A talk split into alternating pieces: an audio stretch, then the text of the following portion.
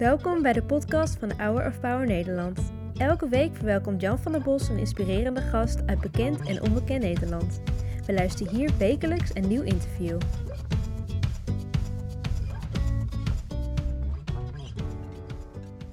Nou, je bent een multitalent, want je bent op heel veel terreinen zeer actief. Eigenlijk kennen we jou het meeste van op één. Dat heb je gepresenteerd. Je bent zo'n millennial die eindeloos zich voor alles inzet. Eh, je bent betrokken geweest uh, bij maatschappelijk verantwoord ondernemen. Je hebt de uh, jonge 100 opgericht, jonge leiders van ons land. Ja. Waarom die enorme drive? Er is superveel te doen. Ja. er is gewoon zoveel te doen. En ik heb uh, wel van jongs af aan dat als ik gewoon iets, een, een kans zie of ik zie iets gebeuren, uh, ik heb snel dat ik hem een, voor me zie concreet hoe je het zou kunnen uitvoeren. Ja. En dat is wel, daar, daar ben ik wel dankbaar voor. Dat als ik ideeën heb, dan zie ik ook best wel behapbaar welke stapjes je dan zou kunnen zetten. En nou ja, er is zoveel te doen in de wereld. Dus de, de, initiatieven die ik heb opgericht, dat was eigenlijk meer omdat je dan gewoon nou ja, met mensen praat ja. over iets en een goed idee hebt. En dan voel ik me wel snel geroepen om, om het ook uit te voeren. Ben je een leider? Ik denk dat ik wel een leider, dat dat wel een leiderschapskwaliteit is. Ja. ja. Dat je wel naar voren stapt om dingen te doen waarvoor je niet wordt gevraagd. Duurzaamheid vanuit de scheppingsgedachte, dat is wat jou heel erg bezighoudt. Het, ja, het heeft me van, ik ga niet zeggen van echt al vanaf kinds af aan. Uh, maar toen ik ging studeren, toen werd ik daar heel bewust van gemaakt. Dus ik weet nog heel goed dat ik een college volgde. En dat een docent uh, daar aan een volle collegezaal vroeg van... nou, wie denkt er hier dat hij een beter leven gaat krijgen dan zijn ouders? En dat er echt een soort teneergeslagen gevoel was in die collegezaal. Uh, omdat, ja, gewoon als je als jongere de krant openslaat... en je ziet klimaatverandering, maar je ziet ook allerlei andere grote vraagstukken... dan maak je wel zorgen over de toekomst van, uh, van het leven. Ja, ik denk wel eens, hoe zou God, uh, die onze planeet geschapen heeft, en als je hem vanuit, uh, bijvoorbeeld vanaf de maan bekijkt, is het een prachtig iets. Die ja. ronde bol met blauw, met bergen, dat zie je allemaal. Hoe zou God naar deze wereld kijken? Zij zeggen, jongens, ik heb het mooi gemaakt, wat zijn jullie aan het verknoeien? Dat zegt mijn moeder altijd. Die ja? zegt altijd van ja, volgens mij is God echt aan het huilen daarboven. Dat denk ik ook. Hoe wij mensen hiermee omgaan. Met gewoon alle. Ook dat we de waarde van andere levende schepsels. Hè? Dus dat we gewoon zo gericht zijn, mensen onderling op elkaar. Ja. Maar als je beseft, gewoon hele ecosystemen, dieren, planten, die ook allemaal een intrinsieke waarde hebben, althans dat is wat ik geloof, dan is dat uh, ongelooflijk verdrietig. Dat we daar zo'n vernietiging. Uh, nou ja, goed, weet je, ik hoef dat hier allemaal niet te herhalen, maar als je gewoon beseft, uh, de de, alles wat er gebeurt. Heel veel mensen die zeggen, joh, hou nou eens op over die duurzaamheid. En hou nou eens op over die planeet. Jullie zeggen de aarde warmt op, dan wordt het ineens overal heel erg koud. Of uh, sneeuwt het in New York. Ja. Dus het zal allemaal wel meevallen. Ik vind dat onbegrijpelijk. Want zelfs tuurlijk, weet je, het klimaat is een super complex systeem. Dus ik ja. vind dat we als mensen altijd een soort bescheidenheid moeten hebben van... kunnen wij alles overzien of kunnen wij... We kunnen het weer amper voorspellen over een paar dagen. Uh, we hebben net een hele grote aardbeving uh, gezien. Uh, er zijn gewoon natuur, natuurfenomenen die ons de petten boven gaan. En daar zullen we nooit alles exact 100% van kunnen voorspellen of begrijpen. Maar ik denk, we hebben ook van God onze ratio gekregen. En daarmee hebben we op een gegeven moment wetenschap uitgevonden. En dan zijn er toch slimme mensen op de aarde die zeggen van... we zien gewoon dat er opwarming is. En dan denk ik, ja, dan heb je een verantwoordelijkheid. Kennis schept ja. ook een verantwoordelijkheid dan heb je wel een verantwoordelijkheid om die kennis serieus te nemen. Plus je kan het gewoon om je heen zien. Je ja. kan gewoon zien dat de leefomgeving onder druk staat. En uh, dat, uh, dat ecosystemen het moeilijk hebben. En dat, uh, ja, dat is gewoon heel erg pijnlijk. Dat we daar blijkbaar toch te weinig om geven. Dat we ja. meer geven om onze manier van leven, om consumptie, om materie, dan om de waarde daarvan. Je bent op een wonderlijke manier ter wereld gekomen. Ik denk ieder kind. ieder kind is een wonder. Ja. ja. Nee, jouw vader loopt als baggeraar in Peru. Ja. En wat gebeurt er dan? Uh, nou, wat hij zegt, dit is altijd het verhaal uh, aan de keukentafel, is dat hij uh, mijn moeder op straat zag lopen. En dat hij dacht dat hij daar herkende als een meisje wat werkte bij de bank. En toen kwam hij wat dichterbij en toen dacht hij, oh nee, toch niet. Maar hij zat achter in een taxi, hij is uit die auto gesprongen, over de weg gaan rennen, naar mijn moeder toe gehold. En heeft toen eigenlijk ja, een soort verhaal verzonnen van, hé, hey, ik herken jou ergens van, werk je toevallig daar en daar? Nee, oké, maar mag ik wel even met je meelopen, want ik ben de weg kwijt, want ik ben een, een kringo hier, ik ben verdwaald.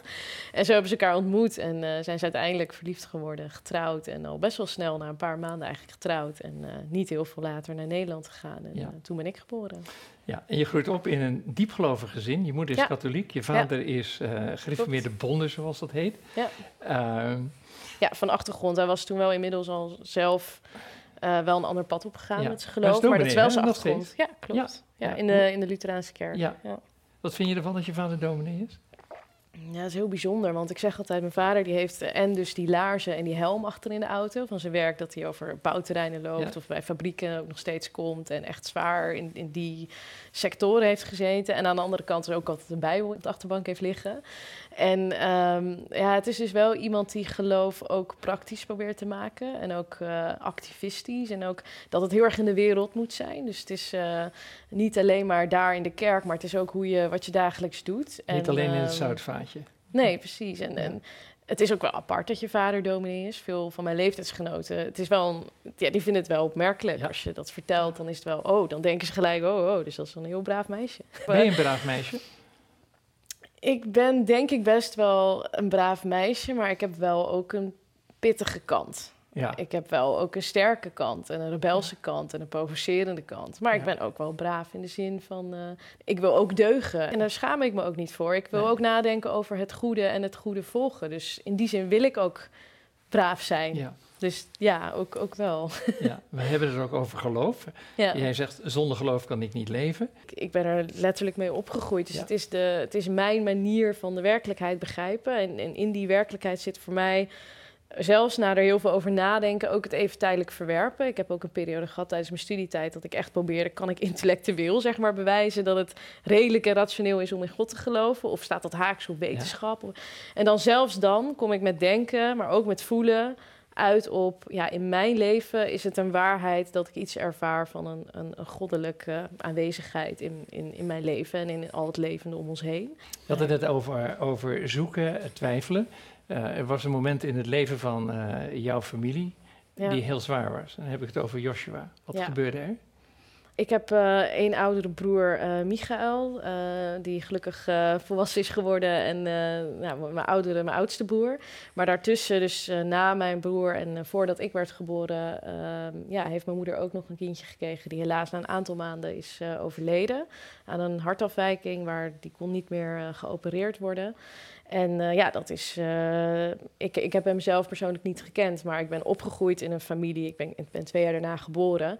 Dus ja, ook rondom mijn geboorte was er heel veel spanning en zorgen over mijn gezondheid. En vervolgens groei je op in een gezin waar dat verdriet en dat gemis van eigenlijk een lege stoel aan tafel toch wel. Heb, dat heb ik wel altijd zo gevoeld. Van op belangrijke momenten ook in ons leven. Dan, dan merkte ik wel dat mijn ouders uh, echt zo naar ons keken van daar hoort eigenlijk nog een derde kind tussen te zitten. En al op jonge leeftijd zoveel uh, ja, verdriet ook zien bij je ouders. Dat, dat, dat maakt gewoon heel veel impact op je als kind. Dan word je heel jong bewust van sterfelijkheid, van gemis, van verdriet, van de kwetsbaarheid ook van je ouders. Dat, dat je ze gewoon als kind, dat ze ontroostbaar ook zijn op momenten. Dat, dat voelt zo ja, dat is, dat, dat, dat is gewoon heel kwetsbaar of zo om je ouders op die manier te zien. En ook te weten dat je dat nooit, dat je niks kan doen om dat verdriet uh, van ze te verzachten. Dat is heel moeilijk ook. Uh, ja, dat is ook moeilijk voor mij geweest, denk ik ook voor mijn boer, om dat mee te maken. Ik, ik vind de dood, vind ik nog steeds wel een. Um, dat je weet dat dat een onontkomelijke waarheid is. Dat je op een dag alles en iedereen, alles wat je kent, maar ook dat jouw eigen bewustzijn, of in ieder geval in deze vorm als Talita met dit lichaam en op deze manier, dat dat allemaal vergaat. Dat, uh, ja, je kan je er zo niets bij voorstellen. En om de een of andere reden dat ik hoop dat ik niet meer bang ben om te sterven als die dag uh, uh, komt. Omdat het iets is waar ik gewoon heel veel last van heb gehad, juist heel mijn leven lang. Dus echt die doodsangst. Dus omdat ik zo jong, denk ik, bewust werd van sterfelijkheid, dat ik ja, als kind eigenlijk een soort van ja, droom dat ik uh, in een soort eindeloze put viel zonder een, uh, zonder een einde. Alsof ik in een soort van limbo-situatie was die gewoon eeuwig zou duren en waar het alleen maar donker was. Uh, of ik had heel vaak last van hartkloppingen als ik dan in mijn bed lag. En dan dacht ik dat ik een hartaanval zou krijgen of allemaal dat soort angsten. En um, ja, daar ben ik pas eigenlijk vanaf mijn twintigste of zo een beetje mee aan de slag gegaan. Met daar nou, over praten en uh, proberen achter te komen hoe kom je daar overheen. Voor mij werkt het niet om het maar weg te stoppen, het dagelijks leven, maar gewoon te leiden en te doen alsof die dood er niet is. Ik zoek het wel ook heel bewust op. En dan helpt ergens wel de ervaring met Joshua, dat ik dan denk, ja, mijn kleine broertje is me al voorgegaan, weet je. Dus die, die, heeft, het al, uh, ja, die heeft het al meegemaakt. Dus, uh, We gaan zo meteen over dit schilderij praten. Denk eraan dat, dat als wij sterven, dat uh, God ons als het ware wil omarmen en zeggen, welkom ja. thuis. Vind het leuk om te horen dat je dat beeld ook hebt. Want ik zie God ook zo. Als toch een soort uiteindelijk een soort vader. Ik zie dan dat ik zo met mijn hoofd of zo op zo'n schoot kan rusten. En dan een hand door mijn haar heb. Maar dat, dat is wel dit, ja. Het soort beeld dat je uiteindelijk in een eeuwige omhelzing of zo. Ja. Het gevoel van een eeuwige omhelzing. Thuiskomen. Thuiskomen, ja. ja dat zou het wel, uh, hopelijk uh, is het dat. Heb jij een gedeelte uit de Bijbel dat je zegt, nou dat spreekt me enorm aan, dat bemoedigt me? Psalm 139, omdat die psalm, uh, die staat ook in mijn geboortekaartje. Wat ik heel mooi vind is, uh, dat het gaat over u weefde mij in de schoot uh, van mijn moeder. En ja, eigenlijk heer u doorgrond mij. Dus dat is de grotere bedoeling, denk ik, van de psalm. Van al mijn gedachten, alle stappen die ik nog ga zetten, alles wat ik voel, alles wie ik als persoon ben, zowel materieel als geestelijk, dat is allemaal al door u gezien en bekend. en dat dat, dat, dat geeft mij ergens, dat, dat is eigenlijk wel voor mij God.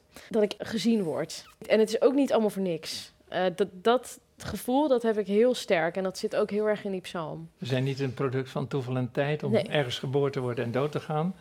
Maar het is meer tussen hemel en aarde. Ja, het is niet allemaal random. En het is ook. Ja. Uh, en ik heb ook wel het idee dat wel heel veel mensen in deze moderne tijd daarmee worstelen. Dat gevoel van wat heeft het nou allemaal voor zin?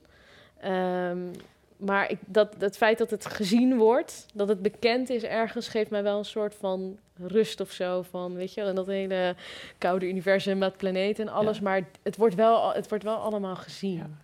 Ik vind dat het mooi, hè? Hour of Power. Elke zondag citeren wij Henry Nouwen. Het is niet wat je hebt, het is niet wat je doet, het is niet wat anderen van je zeggen. Je bent Gods geliefde kind. En Henry werd daardoor geïnspireerd door dit door verhaal dit uit Lucas 15. Ja. Je hebt een voorwoord geschreven in de nieuwste uitgave, heel modern, van Eindelijk Thuis. Dat boek wat door, ik denk wel honderdduizenden Nederlanders gelezen, is uh, gelezen.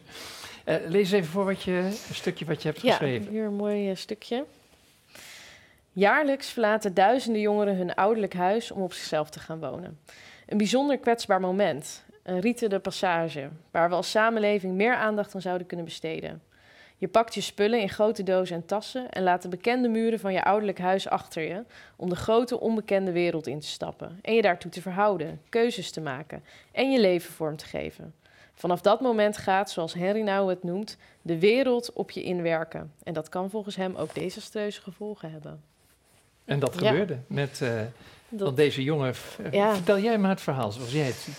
Ja, wat je ziet is uh, de jongste zoon die thuis komt nadat hij uh, allerlei omzwervingen rond de wereld heeft gedaan met het erfenisgeld van zijn vader. En aan de andere kant zie je de, de oudste zoon die toekijkt bij het thuiskomst tafereel en uh, altijd netjes bij zijn vader is gebleven, alles heeft gedaan wat zijn vader wilde. Maar ook een beetje kijkt op een manier van uh, waarom wordt mijn broertje nou zo onthaald? Terwijl uh, ik zo braaf ben geweest, slaat mijn vader de armen om die jongste zoon die alles misschien heeft gedaan wat God verboden heeft. En helemaal berooid weer terug moet komen om te vertellen al het geld is op en ik wil toch weer terug thuis zijn. Ja, het is een heel ontroerend beeld, omdat die vader dus uh, verwelkomend is. Hè? Dus, en dat is toch zoals we ook God willen zien. Een soort grotere, onvoorwaardelijke liefde die niet vervalt. Zelfs niet als je het meest ondenkbare misschien doet wat mogelijk is. En, en die broer heeft het daar moeilijk mee dat zijn vader eigenlijk die liefde kan opbrengen. En dat is psychologisch wel interessant, want je zou denken, het staat die broer ook nog steeds vrij of zo om hem te veroordelen, maar het irriteert hem. Terwijl, en hij heeft ook nooit gebrek aan liefde van zijn vader, denk ik, gehad. Maar het irriteert hem dat zijn vader die mate van onvoorwaardelijke liefde echt kan opbrengen voor de ander. En dat, ja, dat is gewoon denk ik ook heel herkenbaar in ons eigen leven. En, want we willen gewoon denk ik graag die vader zijn ook. Maar ja, we voelen ons denk ik ook heel vaak die broer. Of soms misschien ook die zoon. Ik heb veel ja. met Harry nou over dit, uh, over dit gegeven gepraat. En ja. kijk, de bedoeling is dat wij niet die jongste zoon zijn die wegrende van de vader, zoals nee. hij het zei, of die oudste zoon die narrig toekijkt, maar dat we echt de vaderrol gaan vervullen in ons leven. Hè? Dat we er zijn om onze armen te slaan om de mensen die ons nodig hebben. Ik vind het een prachtig uh, beeld van God ook. Ik heb echt dankzij Henry Nouwen dat verhaal dus opeens anders begrepen. Want ik focuste inderdaad ook altijd alleen op die jongste zoon... en op al die zonden en die daden en dan een beetje op die boer. Maar ook door Henry Nouwen, eh, dat is gewoon toch krachtig van boeken... is ga je bij jezelf ook merken in je leven van wanneer ben ik nou... die. Ik heb een keuze om die vader te zijn. Er zijn gewoon momenten waarop ik over bepaalde gevoelens heen kan stappen... en die vader of zo kan zijn voor een ander persoon. Wanneer iemand bij mij komt met dingen die uh, nou, onrecht is aangedaan of vervelend of wat dan ook. Dus ik nou, ik heb gewoon nu de keuze om daar liefdevol of begripvol als eerste reactie op te geven. In plaats van afwijzing of afkeuring of jaloezie. En dat is super moeilijk en daar faal ik ook uh, iedere dag in. Alleen het geeft, je, het geeft een soort keuze om ook uh, ja, wat we hopen dat we op een dag zelf ontvangen van God, om dat nu al in de wereld te zetten, dagelijks naar anderen. Mooi. Ja. We gaan afsluiten. Ik zou eindelijk Jeetje, met je het gaat snel. Ja, het gaat snel. Maar ik laat je natuurlijk niet met lege handen naar huis gaan. Henry Nouwen heeft in de kijk van Bobby Schulling, het programma wat wij uitzenden, heeft hij drie preken gehouden over Je bent geliefd. Die moet je nog eens bekijken. Die zijn magisch. Oh, wat geniet zo. Geniet ervan. Dat ga ik zeker doen. En dan heb ik nog wat voor je, om thuis neer te zetten, hoop ik. Ja, dat vind ik fijn. Ja, ja er zit zoveel in dit nou, verhaal. En je, en je, bent geliefd, weet je? Dat je dat mag herinneren, dat je dat tegen jezelf mag zeggen. Ik zeg het tegen jou. Je bent geliefd. Dank je. Oh, ja. Jij ook. Dank je. Bedankt voor het luisteren naar het interview van deze week. We hopen dat dit verhaal jou heeft bemoedigd. Wil je meer weten over Hour of Power of andere interviews bekijken? Ga dan naar www.hourofpower.nl